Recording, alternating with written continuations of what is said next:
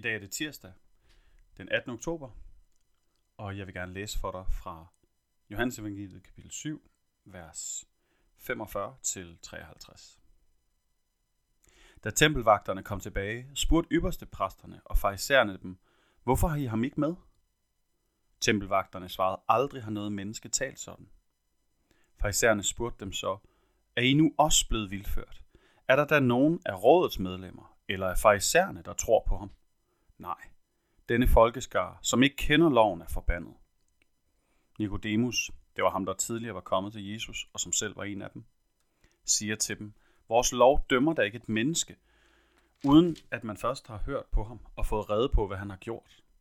De svarede ham, er du måske også fra Galilea? Se efter i skriften, så vil du se, at der fremstår ingen profet i Galilea. Så gik de hver til sit. Vi er aldrig neutrale, når vi møder mennesker. Vi har altid enten en velvillighed eller en modvillighed i os. Vi er aldrig helt, helt ligeglade. Det gælder også i dagens tekst. Vi finder enten en velvillighed eller en modvillighed i mødet med Jesus. Farisæerne og øh, ypperste præsterne, de oplever en modvillighed mod ham. Det han siger, det truer deres magt og indflydelse. Hans grænseoverskridende, grænsenedbrydende adfærd ved at tage imod og komme tæt på mennesker, som ikke levede i overensstemmelse med den jødiske lov, det truer deres eksistensgrundlag. Deres autoritet bliver sat i tvivl.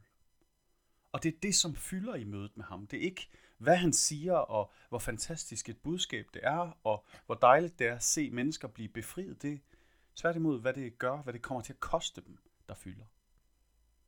Modvilligheden, den ligger tydeligt frem.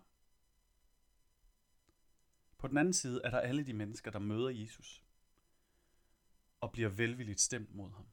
Mennesker, der netop erfarer, hvordan han går ud over grænserne for at vise kærlighed, for at fortælle med sine handlinger, med sine ord, om en Gud, der er meget større, der er meget mere end hans etik.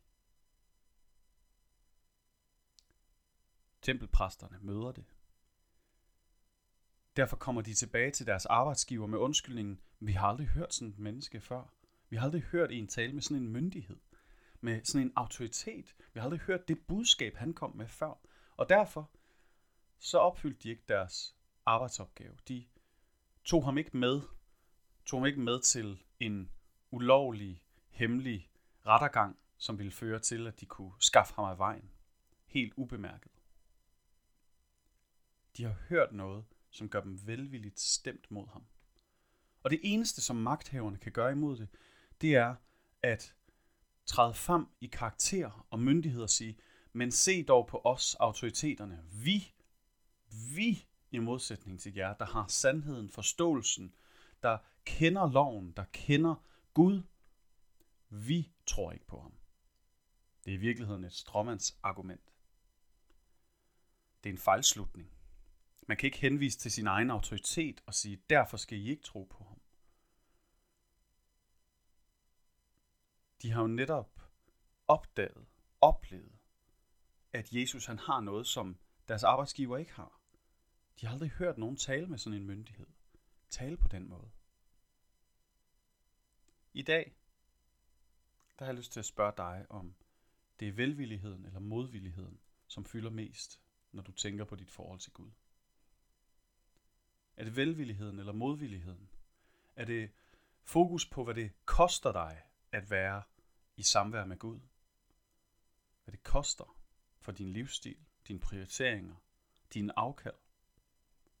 Eller er det mere friheden, berøringen, kærligheden, der strømmer imod dig, som fylder?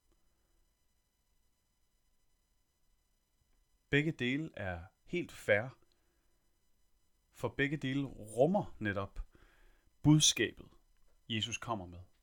Han kommer på den ene side og siger, at han er kommet for at være sammen med tollere og syndere, med alle, som er blevet marginaliseret, alle, som begår fejl, alle, som ikke lever i overensstemmelse med Guds vilje.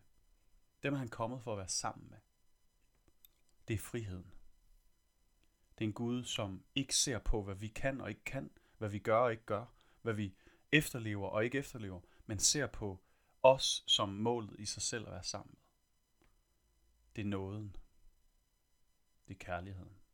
På den anden side ser vi også en Jesus, der siger, gå og synd fra nu af ikke mere, til de mennesker, han møder og har været sammen med.